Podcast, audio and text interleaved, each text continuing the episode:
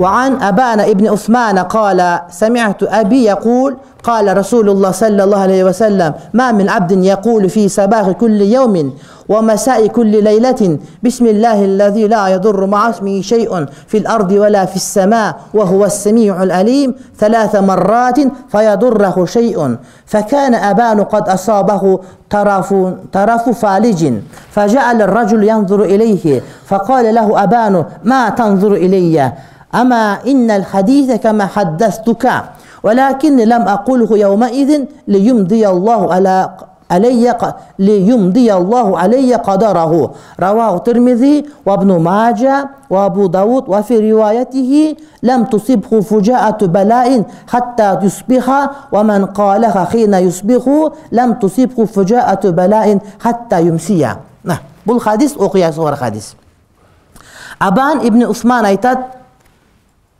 кээ бир арабтар деле аттарын билбейт сахабалардын аттарын таң кала бересиң да. Бизде абан деген агай бар университетте билесиңер. Аты абан ушундай абан. Арабтар келип алып эле астагфир абан болбош керек сен абдул басир бол да атын өзүңө абдул басир кылып коюшту аты абан абан деген ат бар урматтуу бир тууганым мынакей табииндерден. Атам дейт усман угуптур дейт айтты дейт пайгамбар алейхисалам айтты дейт кайсы бир пенде эртең менен турганда ар күнү. Жана кечиндеси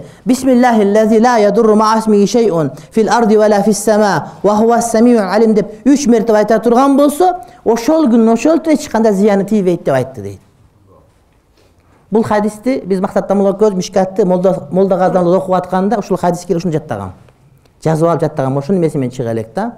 Кийин жаттаганга убакыт деле тийбеши мүмкүн. Молда газдамалар менен азыркы университеттин жатаканасында максаттамалоо көз мишкат окуп атканда ошондо ушуну жаттагам ошондо. Деген. Бир күн кечке жаттагам. Жазып илип ал эшикке киргенде чыкканда. Анан ушинтип абан ушинтип айткан бирок абандын өзүнүн бир колу сал мындай болуп иштебейт эле дейт. Шал болуп калган эле дейт. Абандын өзүнүн колу шал эле дейт. Ушинтип айтып атса бирөө тигилеп эле колуң карайт имиш да кандай бул зыян тийбейт деп айтасың өзүңкү болуп калыптыр го биягы колуң иштебейт экен го деген сөз. Эмне менин колумду карап атасыңбы? Хадис мен айтканымдай. Хадисте айып жок. Болгону ошол мен ушундай болуп ооруй турган жана колум шал боло турган күнү мен айтпай калган экенм ошону дейт. Алланын тагдыры ишке ашыш үчүн боло турган планбы же кандай айтор ошол күнү мен айтпай калган экем деп ушинтип жооп берди дейт да. Ушул хадисти экинчи жолу э, окуп атканда урматтуу бир тууганым термизиден доктор сайт окутту муну. Анын дагы колу иштебейт даже бир бут дагы экөө эки иштебейт бир буту бир колу жакшы эмес. Устазы кечээ эле келип кетти бутун сүйрөп жүрөт.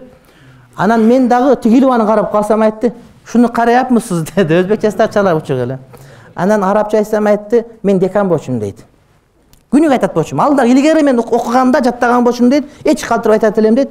Кудайдын күттүү күнү мен декан болчумун анан бир жолу ректор чакырып бизди узужу болуп дейт пешинде башталган асирге кирдик э? асирдан кийин шамга кирдик. Анан сүннөт окубай намаздан кийин салам айтып эле чыгып ошо зикир айтып ошол түндөсү мен ушундай болуп инсульт болгон да.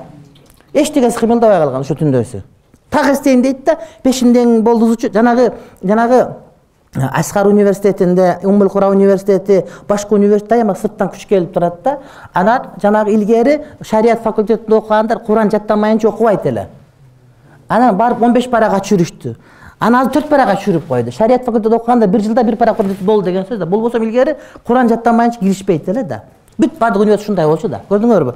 Анан ушинтип сырттан келет мполор башкалар киргизип программаны бузганга аракет кылганда бул деген хадис факультетин эме куллияти дава усулуддин сүннөт факультетинин деканы болчу да. Анан оорчулук буларга кыйлат анан булар айталычу кандай болбош керек ошол он беш пара бойдон калыш керек илгери отуз пара болчу азыр ушундай деп ызы чуу болуп аткан дейт да. Анткени сырттан мполор ошо саудияга чейин таасир берип программаны бузганга аракет. Бул дүйнөнүн баардыгына ушундай кирет да урматтуу бир тууганым аскарга деле жами исламияга деле бизге деле карачиники бүт баардык жерде. О хужуреге отуруп алып окутуп аткан чалдарга тийишпесе калган расмийдин баардыгына ушинтип программаны өзгөртүп муну киргизип муну киргизе берет.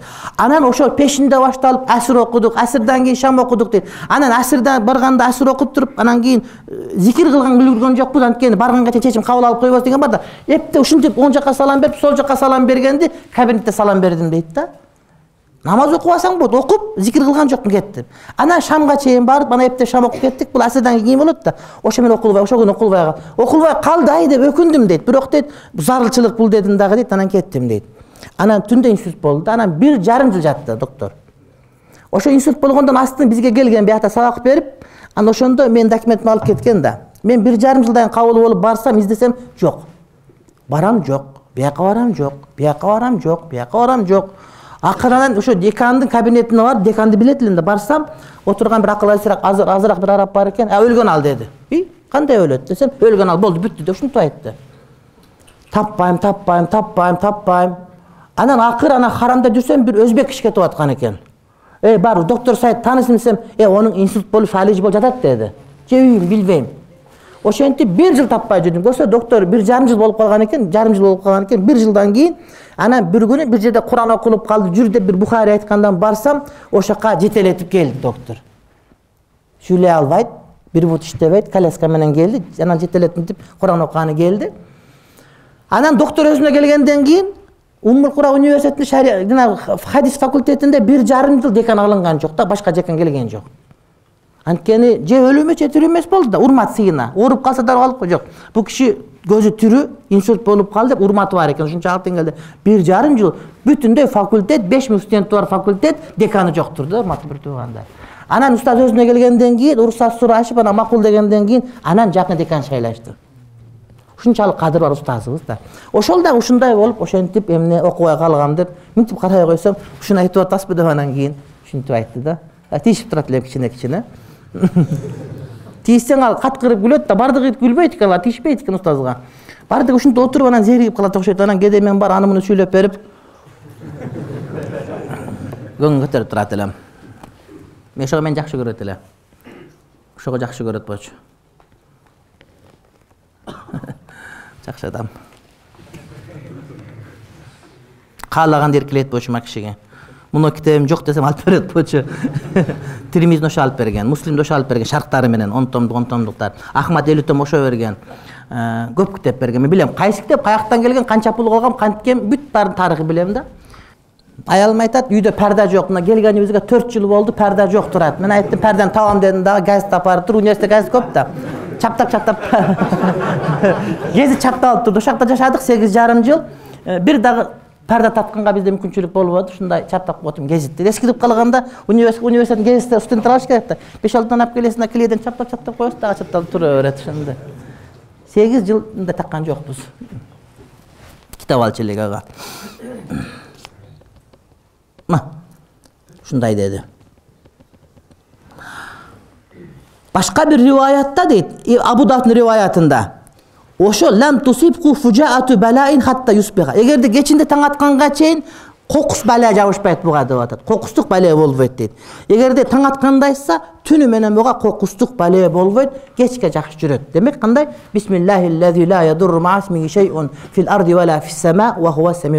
Чаман жылан чакпайт уу ичпейсиң уу берсе ууланбайсың авария болуп кетсең түртүп кетсе тоголоонуп басып билесиңби кээ бир адамдар бар машина тебелеп кетсе туруп басып кете берет а жөндө түртүп келсе сөөгүң баары талкалап өлүп каласың. Эмнеге кудай сактайт деген ушуну урматтуу бир тууганым. Баладан сакталасың бирөөлөр сени жанагыдай ловушкага түшүрөм деп пара берем деп. Ушундай болгон бирөө дейт иштеген бир айтып келди ушул жака такыба намаз окуган адам айтат да түрмөдө отурат азырчы. Эмне болду? десе бирөө келип мага дейт таксырым ушул жака коюп коеюн бир аял айтты дейт да. Пакетти анан коюп кое бер деп айткам чогулуш болгон анан чогулушка чыгып чогулушка катышып кайра келсем камераң келип мени тосуп калышты дейт анан сен пара алгансың деп айтты дейт. Анан мен айттым астакфирулла текшер текшер деп кыйкырып атам дейт. Бир маалда чуркап барып жана ачып мына сен алгансың деп көрсөт. Аны эки саат мурда коюп коеюн дегенде бир ошо иштеген кызматкер аял айткандан макул дегем бир нерсе деп ойлогом ичинде акча бар экен толтура дейт. Анан ошону менен мен эмне ошентип түрмөгө түшүп калдым дейт да. Эгер ушул дубаны айтканда ошондой болбойт эле да урматтуу бир тууганым. Тиги аял келгенде эшикке чыгып кеткен болот эшик жабылган болот эле коем деп кое албай калат болчу да ошон үчүн дубаны дайыма айтып жүрүш керек بسم الله الذي لا يضر مع اسمه شيء في الأرض ولا في السماء وهو السميع العليم ertemenen geçinde üç yoludan. بسم الله الذي لا يضر مع اسمه شيء في الأرض эртең менен кечинде үч жолу да балэ жукпайт.